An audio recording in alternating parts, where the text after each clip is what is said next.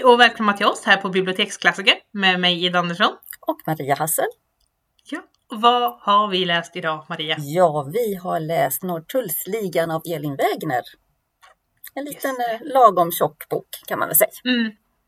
Den, den är, och den är ganska lättläst också så att det, det tycker Ja. jag i alla fall. Ja, det är den. Så att det, det är lite trevligt. Eh, bara med det. Precis. Ehm, hade du läst den förut? Eh, ja, jag har läst den förut. Vi skulle ha den i vår bokcirkel som tyvärr blev inställd under corona, precis första när det satte igång där. Eh, så vi fick aldrig prata om den.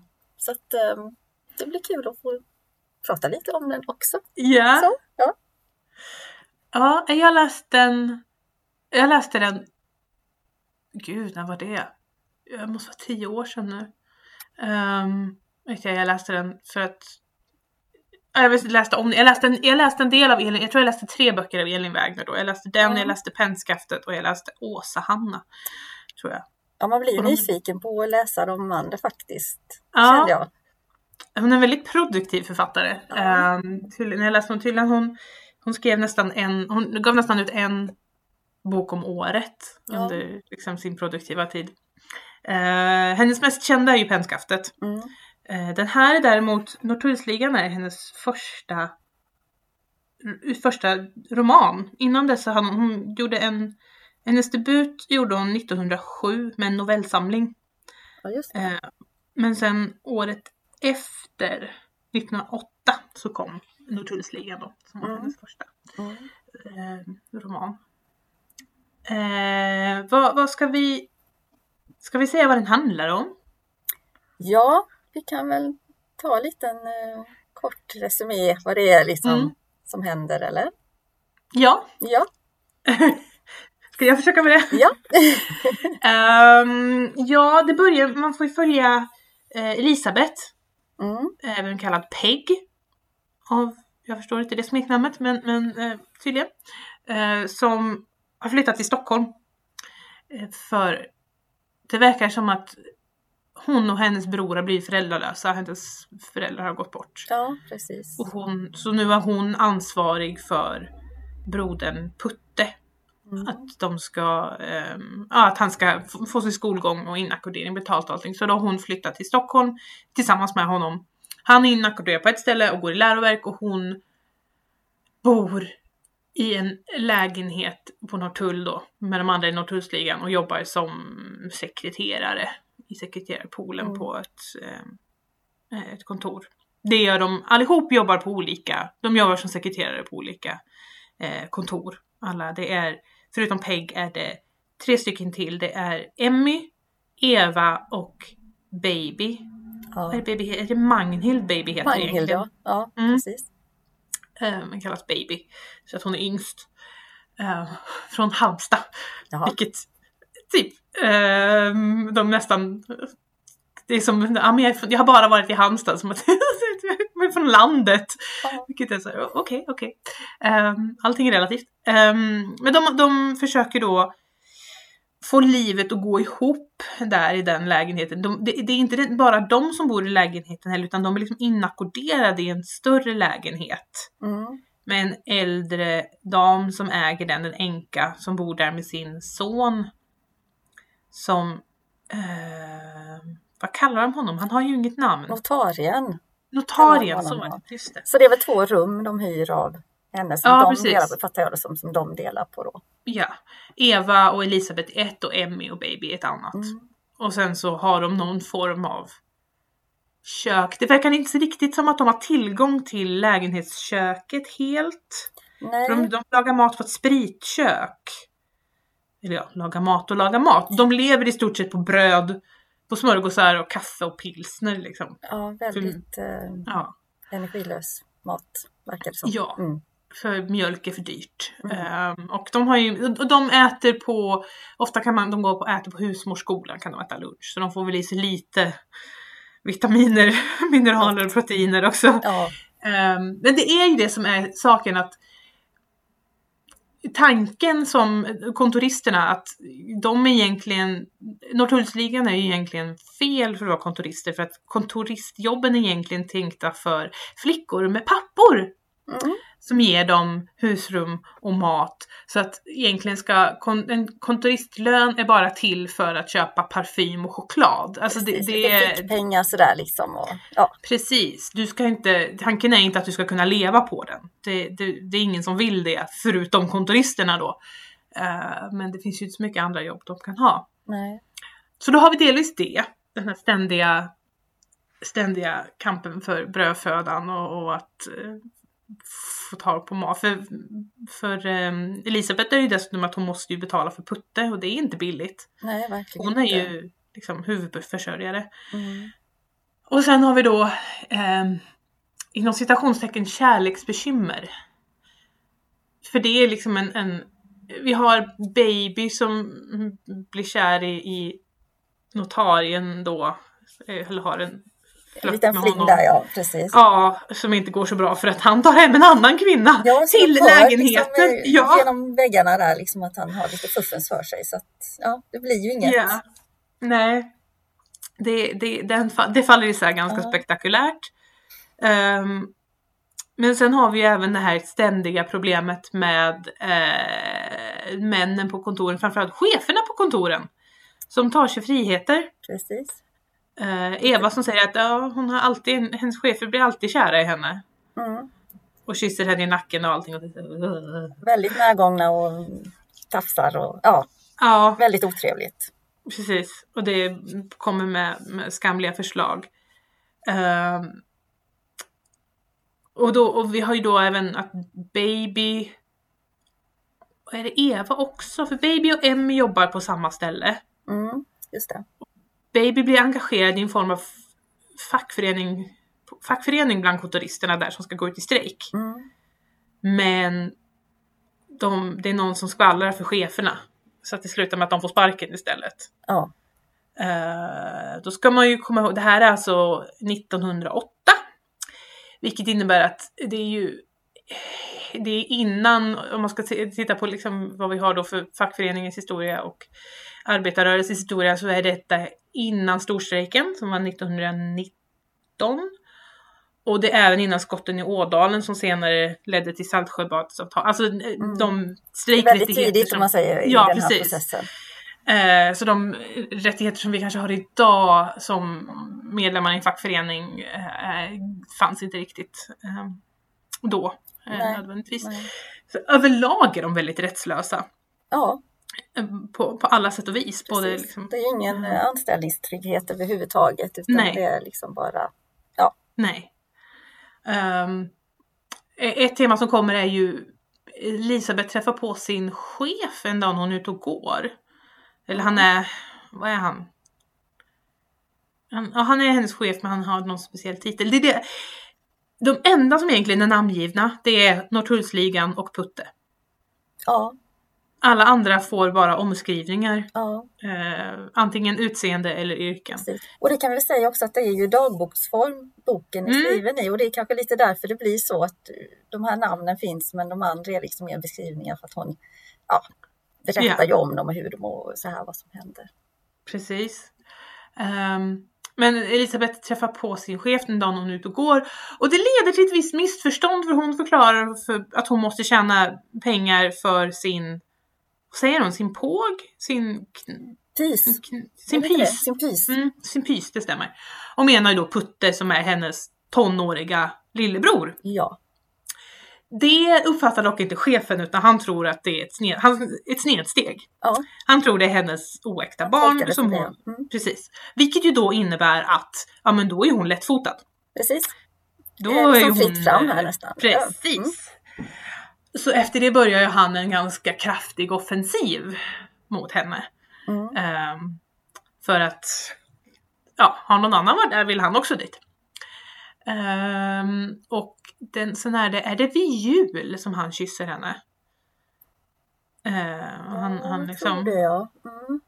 Och eh, hon slår ju ifrån sig liksom och, eh, och blir väldigt chockad av att han, att han, att han vågar, att han Mm. ändå gör det. Och strax därefter så kommer Putte förbi kontoret så att han får se att det omöjligt kan vara hennes son utan Mm. förstår att det är hennes lillebror. Och då blir det åh fan! Är hans, exakta reaktion. Mm. Um, vilket hon tycker är väldigt, väldigt lustigt. Uh, och alla andra också. Ja. Uh, för hon har ju förstått att vad han har trott, men hon har inte kunnat eh, förklara det på något vettigt sätt utan att det ska låta illa.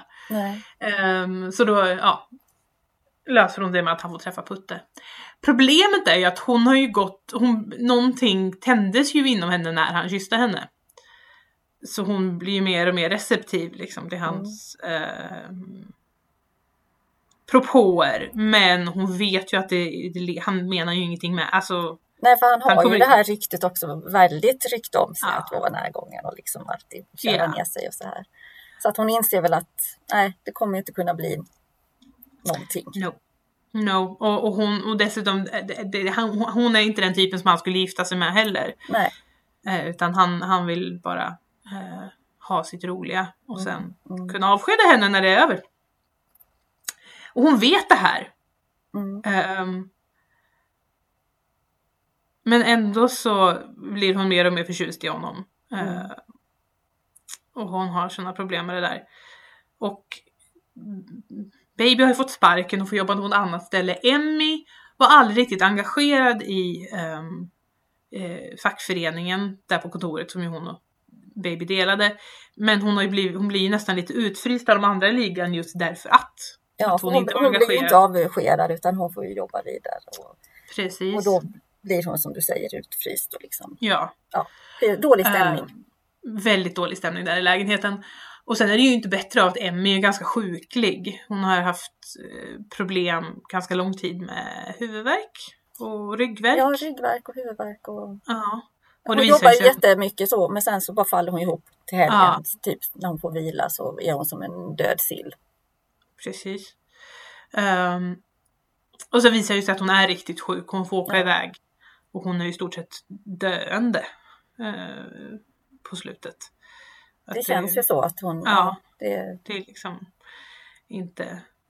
Och, och det, det, liksom, det, vad det läkaren säger att det här är problemet med när man jobbar på kontor. Liksom, du sitter i fel ställning. Och, och det säger ja, men det kan jag tänka mig. Du, du jobbar jättelänge, sitter i fel ställning, rör inte på dig annat än liksom, till och från kontoret.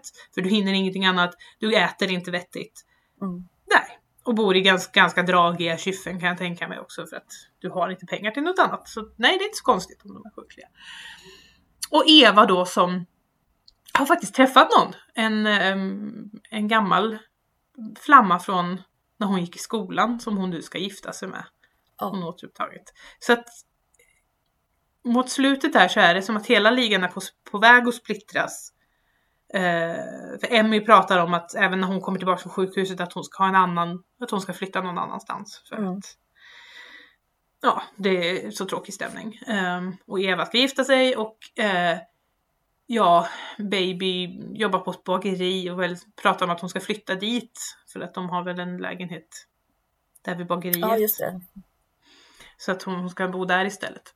Men den som faktiskt blir som flyttar först är Elisabeth därför att en kväll så när eh, chefen gör närmanden på henne så säger hon att du vill ju inte, alltså, du, du älskar inte mig för du kommer inte gifta dig med mig. Mm. Uh, och det, han säger i stort sett bara att han vill ha henne. Uh, och hon säger men du vill inte gifta dig med mig men sen det spelar väl ingen roll. Och sen lyckas hon, hon är väldigt trängd. Han, han sitter i en stol och han liksom är över henne. Det är en väldigt, väldigt trängd situation. Men hon lyckas ta sig därifrån. Eh, men precis när hon ska gå så typ vänder hon sig om och ser, eller han låter så väldigt nedslagen. Ja. Och då vänder hon sig om och går tillbaka och rakt in i hans famn och liksom en omfamning där och en, en kyss. Och sen lyckas, sen går hon därifrån. Och sen kommer hon fram till att hon kan inte vara kvar. För det går ju inte. För hon har ju förstört allting. Alltså han kommer ju bara fortsätta och hon kommer falla till föga och sen mm. kommer det vara liksom. Så hon lämnar stan, hon lämnar Stockholm. Hon åker, får jobb ut på landet som någon form av barnflicka nästan. Ja, är det inte något sånt? Ja. ja. Uh, och ja, det sista är inte en dagboksanteckning utan det är ett brev hem till Baby. Mm. Där hon liksom pratar om hur bra hon har det nu och hon kan tänka hur lycklig hon är och hur ja, och kan baby snälla se efter Putte som ju är kvar i stan. Och att jaha, baby har fått jobb, ska söka jobb. Hennes, Elisabeths gamla tjänst. Och att, ja, jo, det är väl jättebra. Det är, liksom, det, det är en halvt om halvt en varning. För baby är väldigt ung, väldigt söt, väldigt naiv. Mm. Det är en varning för chefen och samtidigt finns det ju extremt mycket avundsjuka där Ja, också. det är liksom dubbelt på alla sätt där. För att det, ja. Ehm, och sen är det ju, det är typ där boken slutar. Ja, Eller har jag glömt något? nej, men det, det är väl typ det stora drag som Mm. boken är. Eh, en väldigt, väldigt intressant bok att läsa idag. Tycker jag faktiskt. Ja, som sagt, första gången jag läste den, då, då, då fattade jag nästan ingenting. Jag tyckte, usch, tråkig bok. Men jag tyckte den var mycket bättre denna gången. Mm. För det, det är ju oerhört intressant. Det är vilken resa vi har gjort, men vi har ändå Ja. liksom så mycket kvar på något vis. Eh, Malt. För det här är Mm. liksom innan kvinnans rösträtt och Mm. ja, väldigt mycket. Och hur tufft det måste ha varit för dessa kvinnor som då var tvungna att försörja sig. Men knappt kunde det. Fick liksom inte, även om de fick jobb så fick de ju inte den lön de borde ha. Och absolut inte den lön som mannen hade, även om de hade samma jobb. Ens heller. Utan de skulle liksom, målet var att gifta sig och bli försörjd. Punkt. Ingenting annat. Mm. Det var så, det var så samhället såg ut, det var så ekonomin såg ut också. Ja, Alltså det var tanken, det var därför männen tjänade mer, därför att de skulle ju vara enda försörjare för Precis. en familj. Eh, jag vet att jag, jag gjorde, en, nu har inte jag letat upp den anteckningen, men jag vet ju att jag skrev ner när jag läste den förra gången, då reagerade jag på det att de fick så dåligt betalt mm. och inte hade några rättigheter på arbetsplatsen.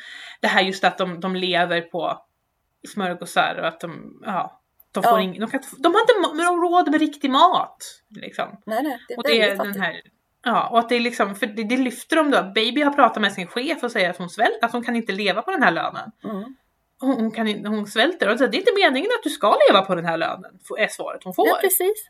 Det är, det är helt obegripligt. Och men det, det var liksom ett acceptabelt svar då. Ja. Och det var liksom det jag reagerade på då. För då var jag i den sinnesstämningen. Jag hade precis börjat eh, läsa in mig på kvinnohistoria och liksom Mm. lite ehm, börjat lite mer här, feministiska idéer och, och då det var där jag var då. Mm. Ehm, kvinnans rättigheter på arbetsmarknaden och liksom i samhället. Ehm, men när jag läste det nu ett par år efter metoo så är det ju liksom det man ser. De här Precis. sexuella trakasserierna, även när hon går ut på gatan bara liksom. Ja, var de än var liksom så kunde de bli antastade. Det var liksom Ja. fritt fram. Och, och det, ja, Och liksom sättet de, gräsligt. hur, ja, hur alla liksom reagerar och hur de bara tycker ja men det är så här det är. Liksom. Ja. det, vilket jag och så, och det höll ju i sig, det höll i sig länge och det är fortfarande så idag på Ja, vissa ställen. ja. Liksom. Ehm, så det är som du säger, hur långt vi har kommit men samtidigt hur ingenting har förändrats. Ja, Alltså, det, det vi är har så kommit, konstigt. Det, är- det är så Ja. skumt på något vis.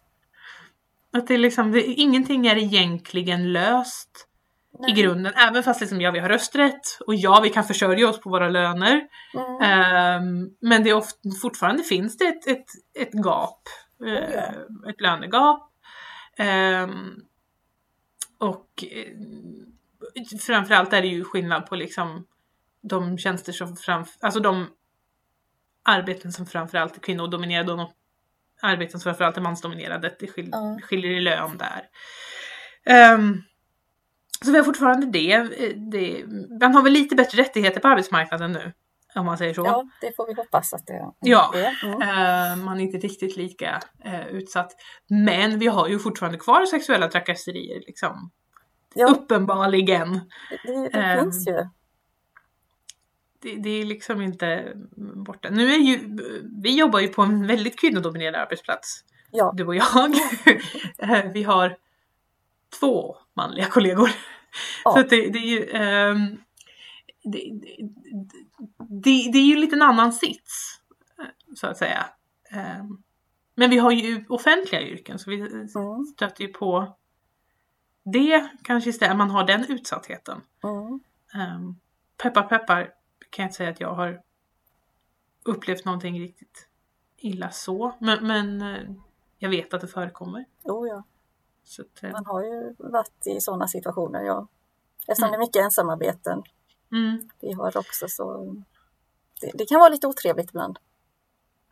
ja, man, man, man kan vara lite, lite utsatt. Ehm, men det man ändå kan säga att när någonting väl händer så har vi ju stöd.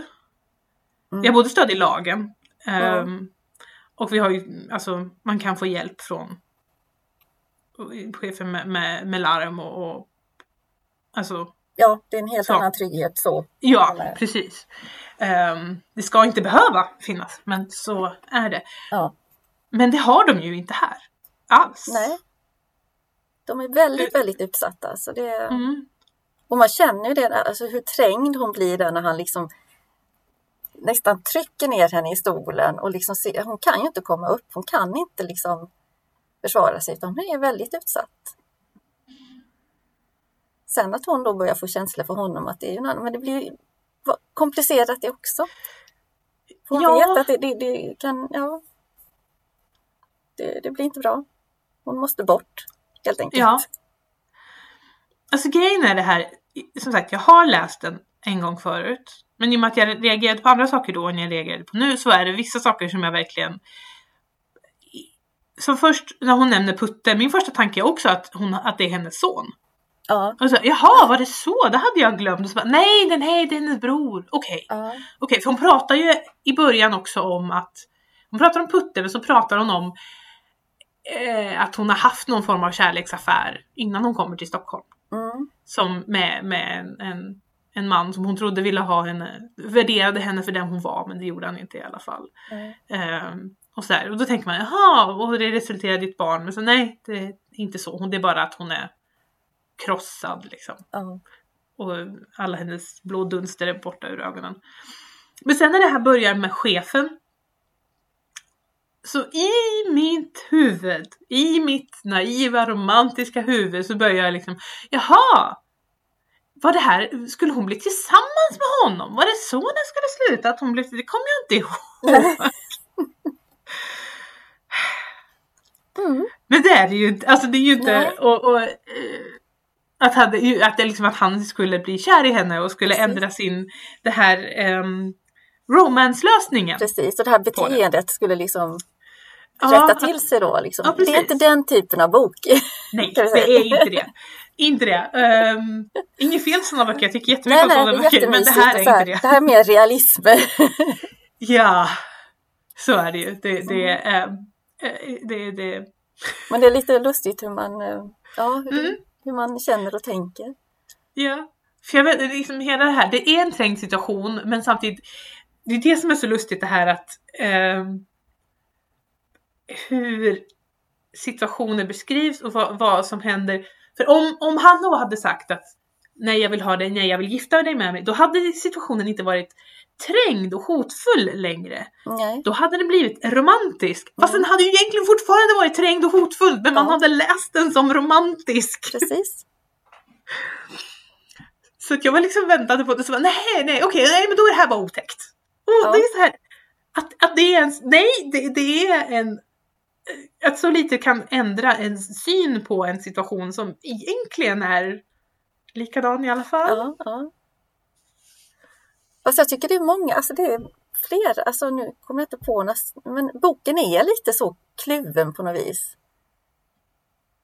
Alltså olika händelser, att det liksom, man får själv välja lite hur man ska tolka det. Om det är liksom lite hemskt eller om det är, nej men det här var lite småroligt eller lite fint eller romantiskt eller vad det nu kan vara liksom. Det är nog därför jag, jag har lite svårt att liksom ta den till mig på något vis känslomässigt. För att jag vet inte riktigt vad jag är. Vad, vad ska jag känna? Vad ska jag tycka? Det är liksom blandat. Och, och det kanske hänger ihop med det att det är så... Ja. För det var ett jättebra exempel du tog upp där. För, för det är lite lurigt. Men som sagt, jag har inga bra andra ex exempel att komma med, så jag kommer inte längre här. Nej men jag förstår vad du menar, för det är lite det här, det är samma sak egentligen, det här notarien och baby Ja. i början där. För att han, första gången man träffar notarien så är det bara Elisabeth och han kvar, för de andra har liksom försvunnit, de andra har gått till jobbet där väl, men Elisabeth är fortfarande kvar hemma. Och det han gör är att han går och tittar bland babys saker. Ja, just det, det har jag glömt. Ja. Och sen, och, och, och innan han vet att Elisabeth är där. Och sen kommer hon dit och liksom presenterar sig. Och sen får man höra senare att han och Baby har träffats på tu man hand. Alltså att de har varit ensamma i lägenheten. Och han liksom, ja men han var lite trevlig och, och, och alla så men Baby har du inte träffat honom förut? Jo det hade vi väl gjort men liksom Ja. sådär.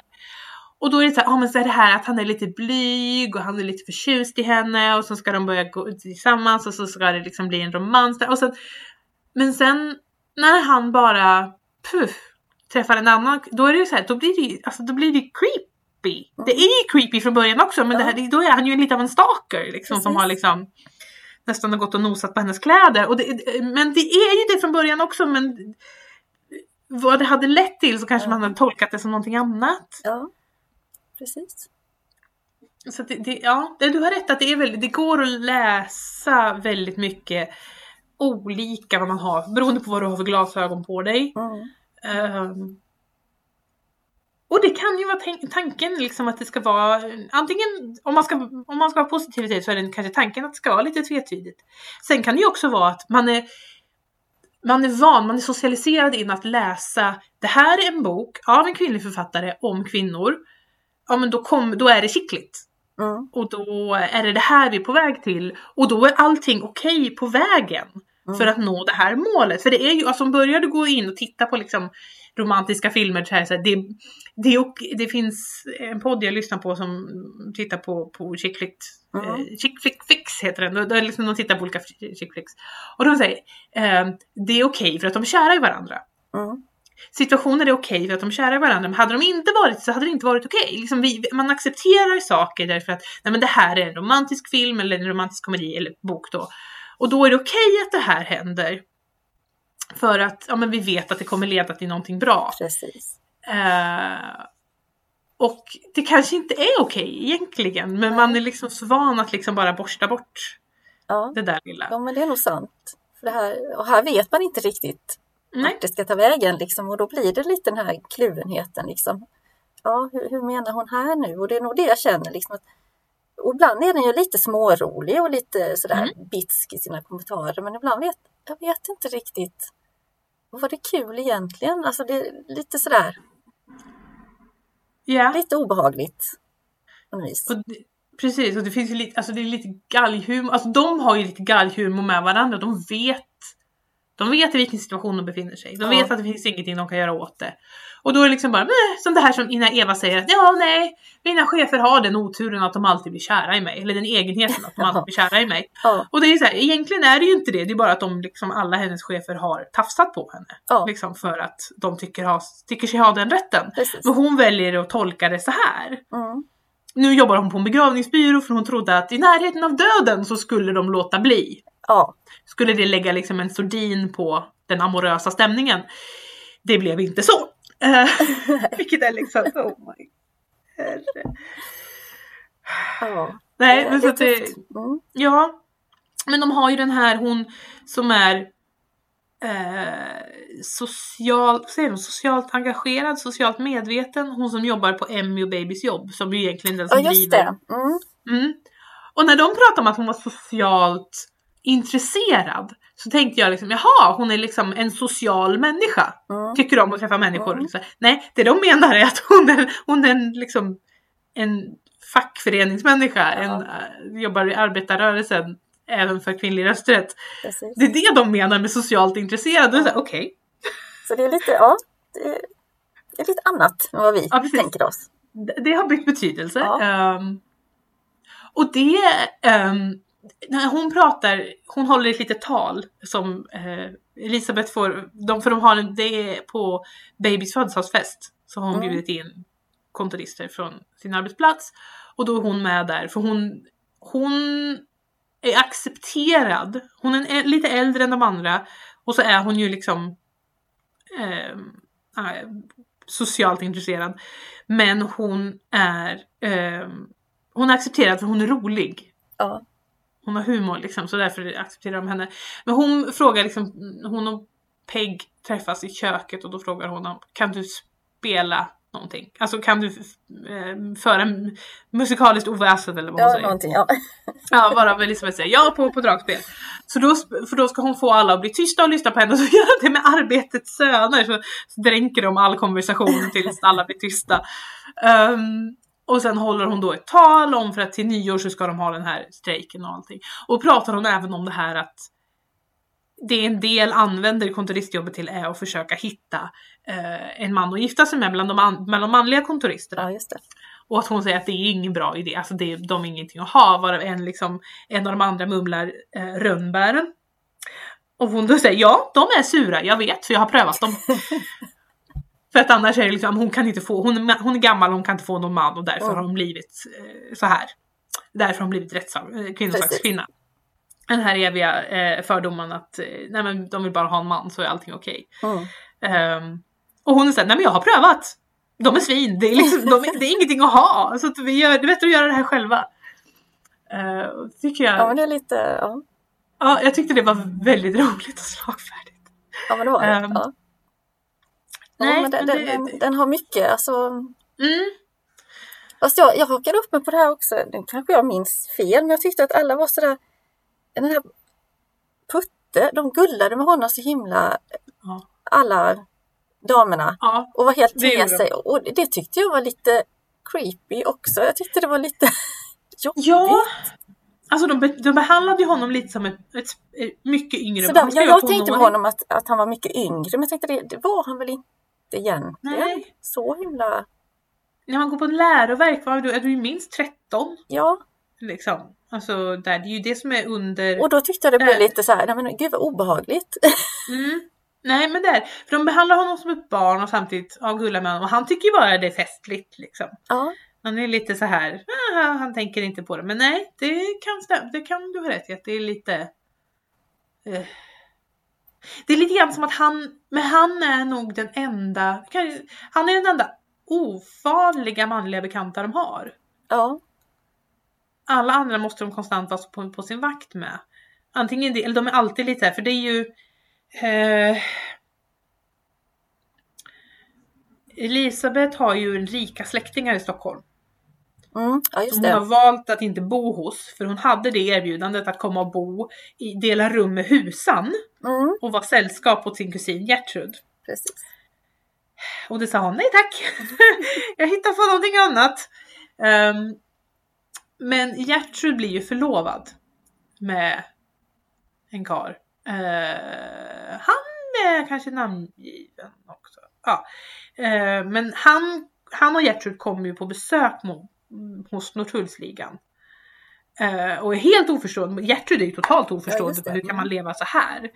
Och ehm, han är ju också lite oförstående och lite så här. Men honom sätter de ju lite på plats. Mm. Lite grann. Mm. Även fast han kanske inte vet om Han, det heller. han förstår det nog inte, nej.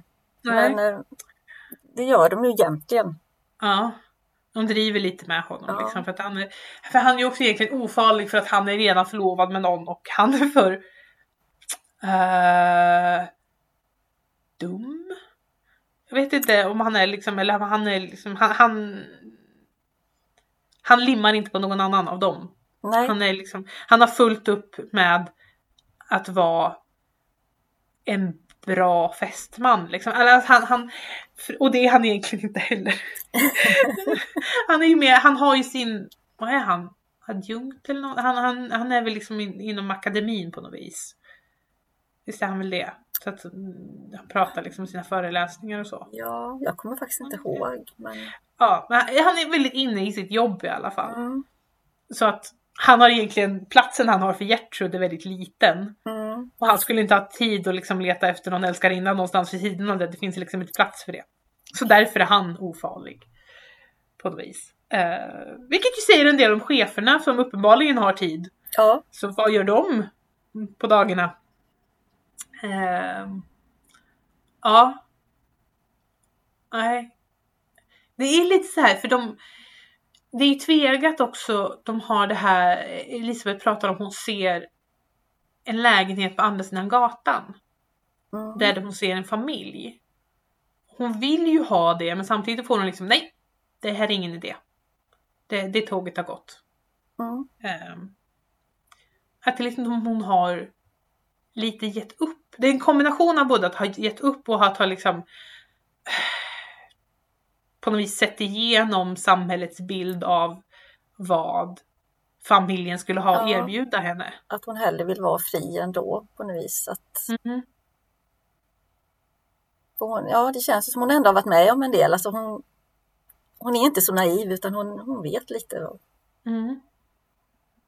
Men som sagt, hon verkar lite kluven också. Så, för det är ju det när, när, när det visar sig att Eva har en fästman. Mm. Så blir hon ju nästan upprörd över det. För att Eva har ju, hon har ju tänkt att Eva var som henne. Ja, Att vi vill inte ha det här. Och sen så bara... släpper Hon- hon hon allt och bara liksom... Ja precis. Hon slutar hon ser- jobbet och börjar gå på hushållsskola för att lära sig liksom inför giftermålet ungefär. Och Mm. verkgen byter sida kan man väl säga. Ja, precis. Och, och, och ger upp sin frihet verkligen. Ja. Liksom för, för, eh, för en man. Precis.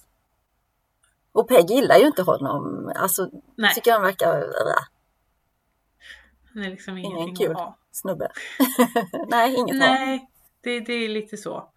Ehm, det är lite så här, det, det är ju, när jag läste den nu så blev jag lite det här med när, när Baby är tillsammans med notarien. Efter det så blir hon ju eh, hon blir väldigt sjuk när den relationen går isär. Mm. Men det beskrivs nästan som man skulle kunna säga, hur långt gick det med relationen? Mm. För hon, helt plötsligt måste ju hon ha tag på pengar också. Baby måste ha tag på pengar. Hon är väldigt sjuk. Så det är så här. Um, hintar om att hon måste ha pengar för en abort? Är det det? Jag vet inte. Eller är det bara liksom att det Det är någonting. Alltså det det är säkert jag som läser in. Men det var liksom det jag reagerade som att nej, nej det var nog inte så. Men samtidigt så här. Eller är det? Man vet. Nej, för det finns sådana saker också som när du läste den då kanske folk klockade det direkt. Ja, för det, För det är det det, var som är liksom så så. svårt att veta liksom vad som Mm. har blivit eh, lite föråldrat, så man, där man inte hänger med riktigt vad det är hon menar. Och, och det är Mm. nog därför man blir så kluven hela tiden. För man, vi har massa annat i våra små Mm. huvuden här som har hänt och då blir det jätteförvirrat. Ja, nej men precis.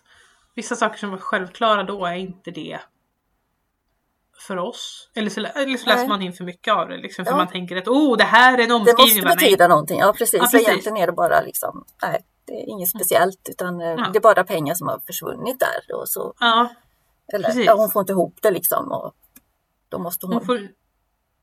Precis, hon får inte ihop det och så är hon lite nedstämd på grund av liksom att det har tagit slut med hennes kille. ja. Vilket på ett ganska nesligt sätt dessutom. ja. Usch, notarie, fy. Ja, nej det är riktigt så här. Det är riktigt, det är lite, han tar hem dem i lägenheten och de hör dem i rummet bredvid och det är så här. Men hur dum får man Ja, vara? Klantigt. Mm. Riktigt så. Mm. Um, det var nog mer jag tänkte på som var, men nu är det nog, jag ska se vad jag har för mina anteckningar. Mm. Ehm.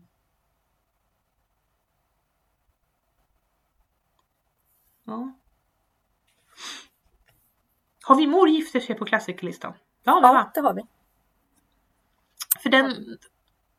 Jag, tänkte lite grann på när jag läste den, för där har de också det här att de lever på kaffe och vetebröd. Ja, Och kaffe. Framförallt vetebröd, inte så mycket bröd men vetebröd.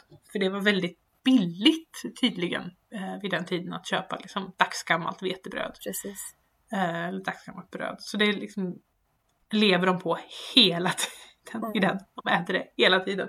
Och det är så här, men jag bara tänker på alla så här bristsjukdomar som man kan få. Usch, ja. När vi sitter idag och liksom äter, man äter, ser till att man får i sig allting. Alla Ja. vitaminer, alla mineraler, alla, liksom, man ska protein, man ska kolhydrater, man ska fett, rätt sorters liksom av allting. Precis. Man har hela det här liksom, ehm, man är hobbydietist liksom. Ehm, och så då är det så, nej men vi lever på kaffe och bröd. Eller pilsner och bröd. Pilsner har i alla fall lite mer, alltså där får du ju livet typ bet Någonting mer i alla eller, fall. alltså, ja precis, du får i dig lite vitaminer och sånt där som, Ja. finns i, som faktiskt finns i öl. Som inte finns i kaffe. Ja. Kaffe må ha antioxidanter men eh, det, det är typ där gränsen Ja. går. Ja, det är eländigt. För det tänkte jag, där, Mm. jag tänkte på första gången jag läste den här, den här Emmy som blev sjuk, liksom att hon knaprar i massa tabletter och det Mm. står ju att det är ganska vanligt bland kontoristerna och så här säger ju läkaren någonting att ja. Och att redan, alltså jag fick aldrig ihop det liksom. Vad, vad, vad var sjukdomen? Vad var det liksom? Vad, vad hände? Och då tänker man just, alltså herregud. Eller bara tappade hon livsgnistan? Alltså var det en kombination undernäring och eh, att man eh, blev liksom nedstämd? Mm. Eller vad var det egentligen? Ja, Det kan nog vara, alltså jag tänker det är en så här allmän det är någon undernäring, för de är nog ganska, de är inomhus ganska mycket, så att de har sagt Ja. det är vitaminbrist också. Det, det är de ju. Liksom undernäring, vitaminbrister, ehm, säkert anemi, alltså får inte i sig tillräckligt mycket järn Mm. heller. Ehm, och sen stillasittande arbete i en ställning Mm. hela tiden. Inte tillräckligt mycket mat, inte tillräckligt mycket sömn. Och sen dessutom när du då inte, när ditt sociala skyddsnät lämnar dig eftersom hon blir så utfryst i gruppen. Ja, då är det droppen Att- liksom. Ja precis, då är det liksom bara nej, nej, jag orkar inte mer. Och Sen, då, eh, ja, så att man det verkar som hon har ätit väldigt mycket värktabletter också så till slut så Mm. hjälper det väl inte heller och det, det är säkert Nej. inga bra saker man får i sig utan det kanske fräter Nej. sönder också. ja, för de pratar ju om att du kan bli beroende, vad är det, acet, Ja, jag kommer inte ihåg, men acetylensyra? det, ja, det var ju någonting. Jag tror det är aspirin, är inte det? Uh, Ja, Acetylsalicylsyra. Um, det som kallas. Mm. Vi äter inte det idag så mycket. Idag Nej. har vi ju paracetamol och ibuprofen liksom. Det är Det de var det väl vi... det som fanns. Ja, liksom. jag, tror det var, jag tror det var det första pulvret du Ja. kunde liksom riktigt ta. Eh, och de pratar om att du kan bli beroende av det. Mm. Och att Eva, det är Eva som pratar om det, att hon har varit det. Mm. Men nu istället så äter hon sina järntabletter. För det är bättre! Och, och på ett sätt, ja, jo, jag antar det. Ehm, det, det är en annan, för hon äter någon sån här betajärn eller någonting. Ja, Men, någonting, ja. Mm. men just det här att du kan bli beroende av, av värktabletterna och det är väl, e- alltså, det är ju inte idag, då är det så här, bero- beroende av, av, av, av en värktablett. Och det är liksom en, det är som en rest, visserligen, det som var receptfritt då och det som är receptfritt idag är inte samma sak. Nej. Man hade inte riktigt lika god koll på biverkningar av mediciner och hur mycket du faktiskt bör ge folk. Och så vidare och så vidare och så vidare. Och just det här eh, beroendeframkallande och så vidare. Så det är mycket möjligt att den var mycket, mycket starkare än vad du kan få tag på idag. Precis. Receptfritt. Eh, och att det är olika. Men sen är det väl också det att, nu ska vi se vad är det aspirin gör. Aspirin är blodförtunnande också tror jag. Kan nog vara så. Och om du redan inte får i dig tillräckligt mycket järn. Det kan ju vara det. Det kan det vara. Någon, någon form av eh, liksom blodbrist, anemi. Mm. För det blir du ju trött av. Mm. Så. Och sen liksom att ryggontet är tror jag, är Jo, arbetsställning. men det är säkert. Ja, precis. Det, det är inte alls konstigt. Nej. Det kan man själv känna. Ja precis, vi som är kontorister. Nu för tiden sitter man framför datorer och då satt Ja. de ju för, för en skrivpulpet och det är i stort Precis. sett samma Ja. Ställning liksom. Eh, och det är som sagt, det kan man känna av. Och när man har, Mm. när de dessutom, när hon kommer hem så sitter hon ju och broderar. Mm. Eh, hon broderar bonader och när du broderar är inte heller alltid en bra arbetsställning. Du- det är lätt att du faller in i en ganska dålig, liksom du sitter och hukar liksom upp med axlarna och ner liksom, med huvudet. Och har du suttit så hela dagen på kontoret och sen kommer hem och fortsätter att sitta så hemma? Ja, det blir nog lite för mycket. Ja, Helt Precis. enkelt.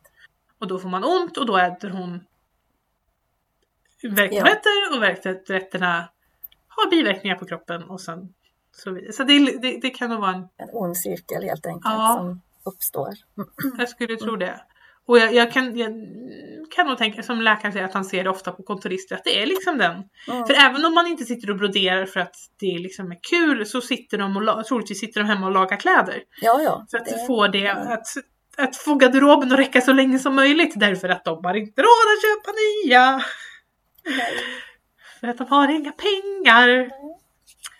Men det, de har ju väldigt stark sammanhållning där i början i alla fall. Mm. Alltså de hjälps ju åt och liksom man, eh, ja, med mat och allting. Att det lilla de har, det delar de på. Ja. Och det de Så säger att- att kom, kommunismen är genomförd i Norrtullsligan. Ja, just liksom. det. just det. Allt mitt ditt. Um, så det är ju, ja. Ja, den, det, det är det som gör, den blir näst, det, när man ser det så så är det ju tragiskt när det börjar splittras liksom. Mm. Mer och mer.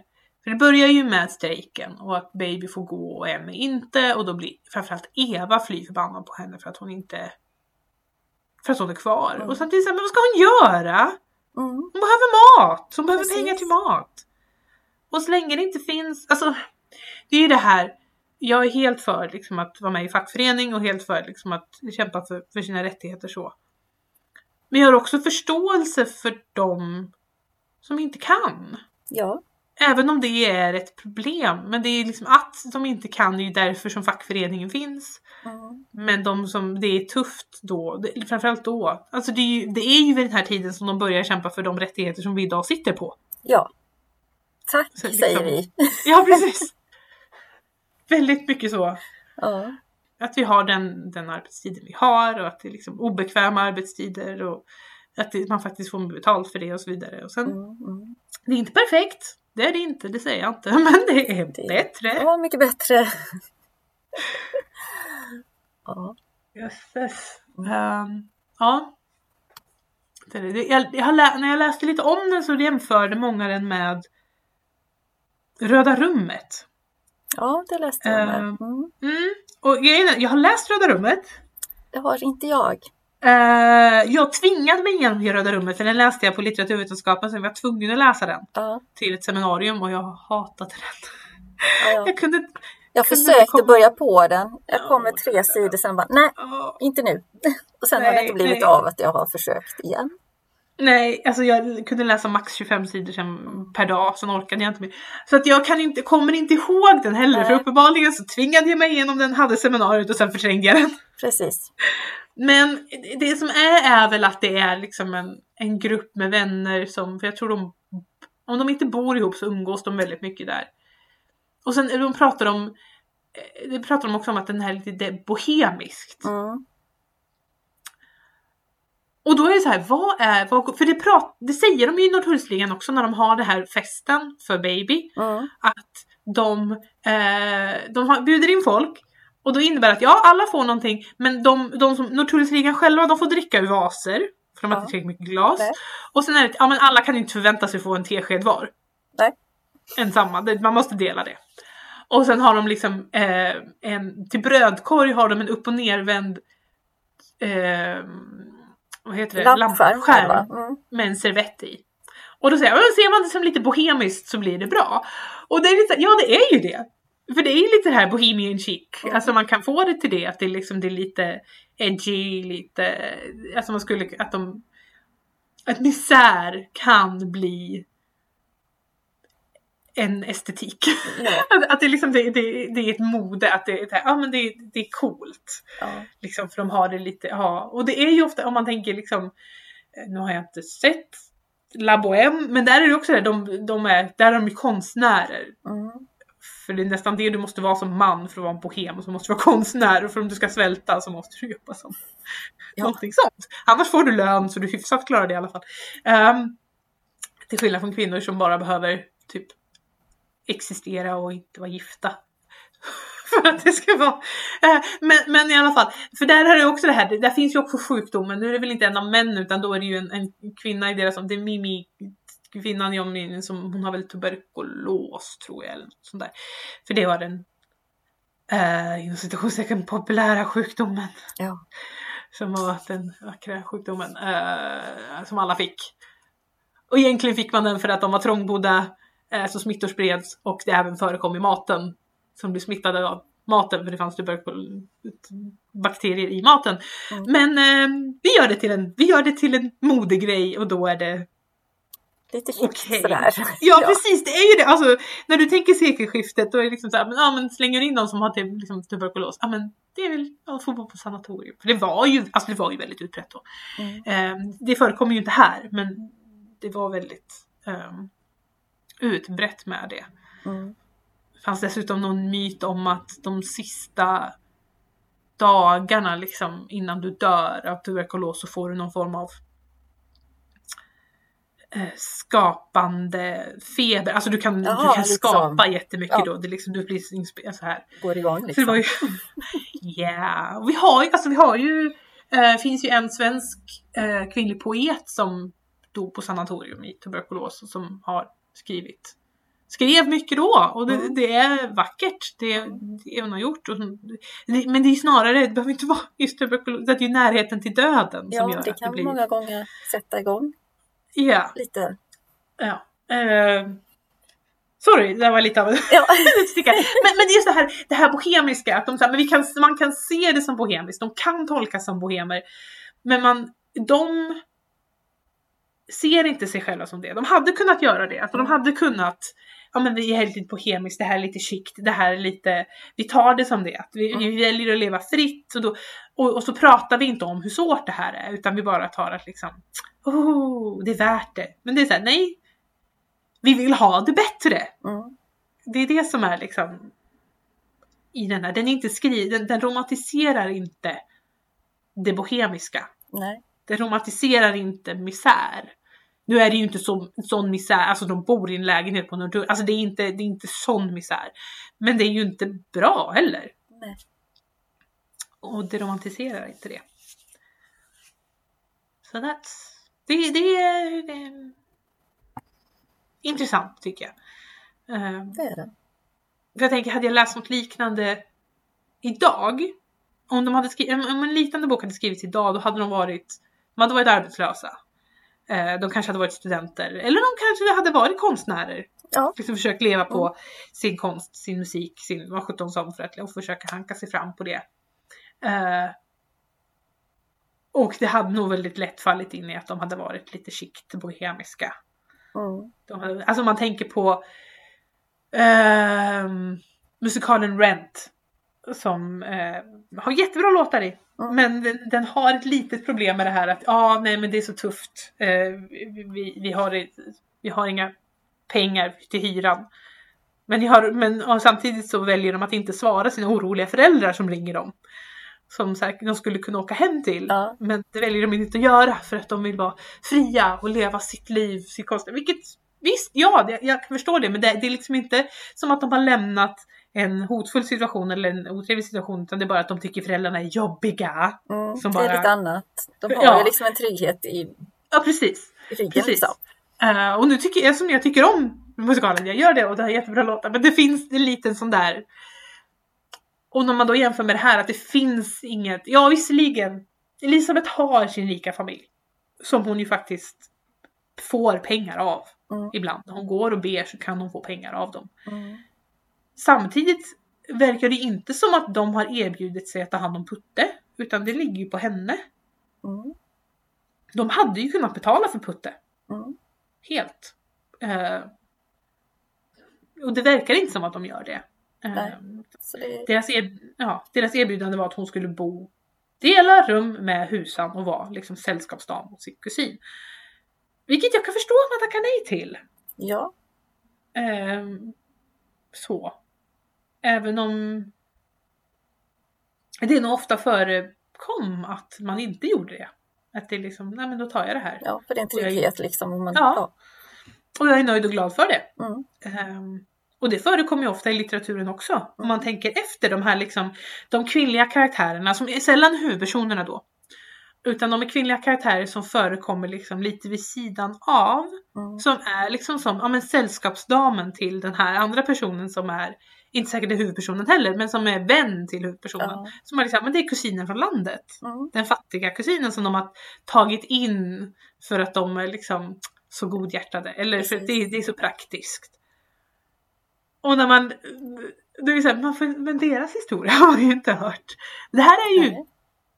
historien om någon som valde att inte ta den rollen. Mm, Eh, någon som ville vara huvudperson i sitt eget liv. precis, kunna styra Mm. lite själv, Ja, göra egna val. Även om de valen mm, inte alltid är så bra. Nej. Och som fatt, alltså. Gud. När, när, när hon vände om, och hon säger det ju själv, hon gjorde att hon förstörde alltihop. Och det är så här, men varför, varför gjorde du det då? varför? Du hade liksom You did it! Du kom därifrån och så bara för att han lät så uppgiven. Man bara, nej, nej, nej, nej, nej, nej, nej, nej, nej, nej, Uh. Men så var det ju flera gånger sådär, hon, hon fick liksom trösta och han tyckte att hon lyssnade så bra och liksom, det, Gud. ja. Äckligt. Ja, nej men och så, man känner liksom igen det här. Jag har inte varit med om det själv, men man har liksom läst andra. Det förekommer ju fortfarande det här liksom att det... Help. Lite så. Men Ja. jag vet inte om du läste det med eh, filmatiseringen? Ja, Eller, för det, det, det tyckte jag också lite dumt. För det var ju redan 1923 filmade de Mm. den här. Mm. Men då ändrade de slutet. För då kunde de inte ha ett sånt slut. Att hon inte väljer, utan där så, så gifter hon sig med chefen. Naturligtvis, check på det. Och Mm. Baby får ju någon, hittar ju någon annan kar. Så att även hon får hitta någon. Så att jag bara liksom, aha, så kan man också göra. yeah. Ja, men Det de, blir en helt annan, ja, berättelse. men de, de gick ju på den berättelsen jag trodde jag läste. ja, Det var den de liksom, de läste inte klart utan de de valde liksom, no, no, no, no, no, no, no. det är okej, allt det han gör är okej för de är kära i varandra. precis, och det är vackert egentligen. Ja, Och precis. alls Då är, det, då är det romantiskt. Och jag menar, eh, jag läste att det fanns en filmatisering och jag försökte att hitta den. Eh, Mm. Jag tror du kan få den, Svenska Filminstitutet har den så att du kan liksom begära att få en filmvisning på en, alltså om du som biograf kan beställa in den och ha en filmvisning med den. Mm, just det. Men den finns inte vad jag kunde hitta. på, liksom. Nej. Nej. annars hade jag velat se den. Det är en stumfilm. Eh, Ja, för den är, ja, ja, jag blir jättenyfiken. ja. För jag hade nästan för mig tänkt, undrar om inte, undrar om man har sett det, för jag visste inte när den var inspelad. Eh, Mm. Jag tänkte att den kanske kom senare. För när jag läste boken också, då hade jag så himla svårt att tänka mig att det var början på 1900-talet. För för mig så var det liksom hela tiden hamnade jag liksom 30-40-tal. Mm. Och då kände jag liksom, ja, men jag kanske har sett någon film då, någon filminspelning så att jag, där de har förflyttat det. Men det, det, det hittade jag ju ingen. Utan Det måste vara en helt annan film i så fall, som inte har med Norrtullsligan att göra. Men, eller så har jag bara så svårt att tänka mig att faktiskt kvinnor jobbade så tidigt Ja. och försökte det har du- försörja sig. Att Ja. Jag får inte ihop det i min lilla hjärna. Nej men det har du rätt i. För jag tänkte nog också när jag, jag, när jag det stämmer. Jag såg också väldigt mycket 30-tal framför mig och det har som du säger att göra med tanken på att kvinnor bodde själva i form av ko- kvinnokollektiv och eh, jobbade, förvärvsarbetade är svårt att tänka liksom på. Det här är inte ens 10-tal. Det Nej, är alltså det är, så, 1900-tal fortfarande, 00-tal. det är lite Och- imponerande ändå. På något Ja. vis. Det är det. Samtidigt är det ju intressant för att de fick det ju inte så mycket bättre. Nej, Alltså, vi- det, det är väl det också, att det tar så otroligt lång tid. Ja, man, man säger att efter, ja, kvinnorna fick rösträtt och kvinnorna fick det bättre på arbetsmarknaden efter första världskriget för det visade sig i de krigförande länderna att det, ja men de kan, De, kan de har ju ändå gjort det här. Mm, Ja precis. Ehm, men Sverige var ju inte krigförande. Mm. Så jag vet inte hur mycket det påverkade. Ja, de fick rösträtten. Men inte så mycket andra rättigheter. Ehm, och sen just det här att, att både du och jag sätter det i 30-tal och förväntar dig att det ser ut så här på 30-talet också. Mm, Det är ju Mm. liksom 20 år senare. mm. Och ändå, ja, eller till och med 30 år beroende på när på 30-talet vi tänker oss. Och det har, att vi liksom, nej men det, det har stått still. Ja, Att vi i våra huvuden i alla fall. Helt stod, still stod det ju inte naturligtvis men när man jämför liksom de kliv man tog sen. mm. Mm. Nej. Nej, det, det har du rätt i. Men jag, jag skulle väldigt gärna vilja se den filmen. För jag, det läste jag också det här att de gjorde om det till en kärlekshistoria. Och då tänkte jag efteråt att det måste ju vara att de, hon blir tillsammans med, hon faktiskt gifter sig med Ja, chefen. att det liksom hamnar på det spåret. Det är ju inte bara det här att då får hon slå sig fri utan det är ju också att ja, men då, vis, då är inte han ett svin. Nej, Då är han bara romantisk. Han var ju snäll egentligen. Han var ju bara Ja, lite precis. kär. Han var ju bara- ja, lite, ja, då, då är det okej var att tafsa lite här och där. Det är, gör är det ingenting. Då är det okej.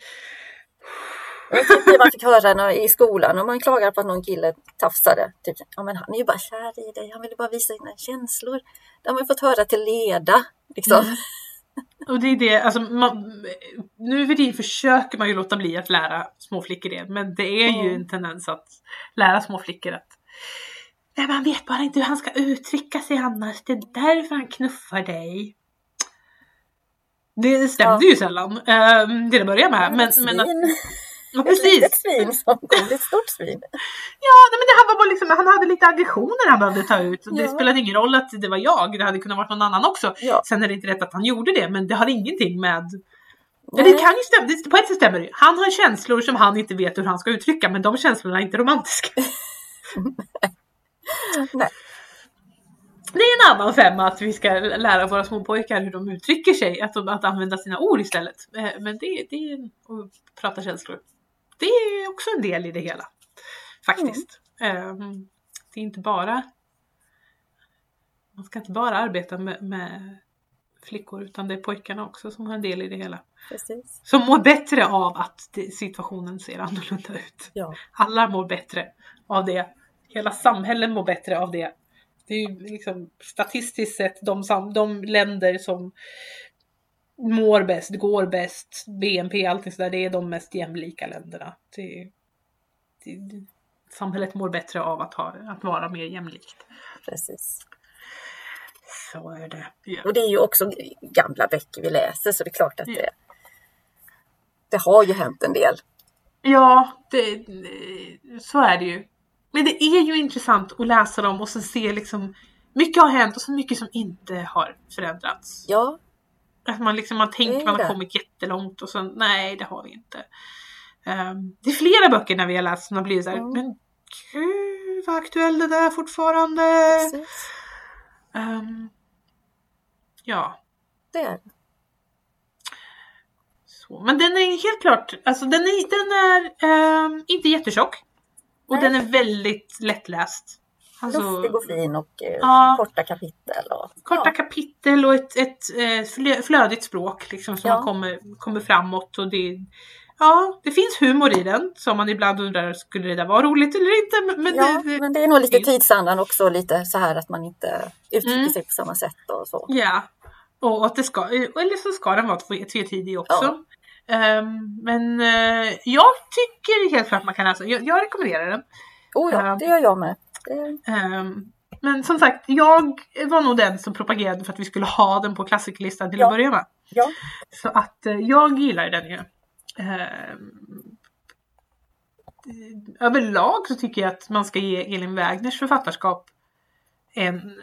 Man, man ska titta på, se om man hittar någonting där. För att det finns ganska mycket och hon var väldigt engagerad i, delvis i, i eh, kvinnorörelsen. Eh, och hon var för eh, liksom, det man kallar som likhetsfeminism mm, en person som fokuserar på att män och kvinnors lika, likheter och att de ska ha lika rättigheter. Mm. Eh, hon var liksom inte en sär, um, särartsfeminist att liksom utan hon är såhär, men vi, vi är alla människor, kan vi liksom komma överens om det? förekommer. Ja, Ja precis. Sen var hon, hon var engagerad inom pacifismen också. mm, Ehm, väldigt mycket så. Så hon är en intressant personlighet och hon har skrivit väldigt mycket, lite olika böcker. Och väldigt produktiv. mm. Ehm, så det finns mycket att välja mellan. Har du någonting mer du vill säga om boken? Nej, jag tror nog vi har plockat fram det man... eh, Ja, det finns säkert massa mer men eh, vi säger stopp där idag va? Eller? det är bra så. Det är bra så. Ehm, vad ska vi läsa härnäst? Jo men nästa gång vet du, då blir det en tegelsten. Då blir det den Oh ja. tjocka boken. Anna Karenina av Lev Tolstoj. Det blir Ja. väldigt spännande att se hur man klurar ut alla dessa ryska namn. Mm. Kan ibland vara ett litet problem men eh, Ja. De, eh, att, all, att en människa kan kallas tre, fyra olika saker i samma Ja. bok kan bli ehm, komplicerat. Ja. Man måste ha huvudet med sig tror jag. Ja, och det. har inte alltid jag så det kan bli problem men vi gör ett försök. Ofta brukar det finnas en namnlista. Ja, Antingen i början eller slutet av boken. Ehm, vilket är hjälpsamt. ja, så det hoppas vi. Eh, det, det kan underlätta. Eh, jag har inte läst den. Eller jag har börjat men inte kommit igenom den. Så Mm. att ehm, ehm, det, det ska bli spännande. Vi har gett oss själva gott om tid att läsa den här. Ja, det insåg vi nog att vi behövde. En Ja. hel sommar för detta. Så man hinner läsa lite annat också. Ja Det precis. är väl det man Ehm, vill kunna. Precis. Sen kan det hända att vi kanske fastnar i en eh, och bara det går på en kväll så har man Ja. läst igenom allting. Det kan ju hända också. Att det blir väldigt spännande. Ja, Eh, eller väldigt engagerande. Vilket, precis. vilket som. Det blir kul att se i alla fall. Ja, Mm. precis. Det ska bli eh, intressant att ge sig till Ryssland. Vi har inte, det har de inte varit än va? Vi har Nej. inte gett oss på har vi inte. någon rysk författare. Så vi börjar med den. Men det blir till nästa gång, Anna Karenina. Tills dess så får ni ha det bra. Hej då! Hej då!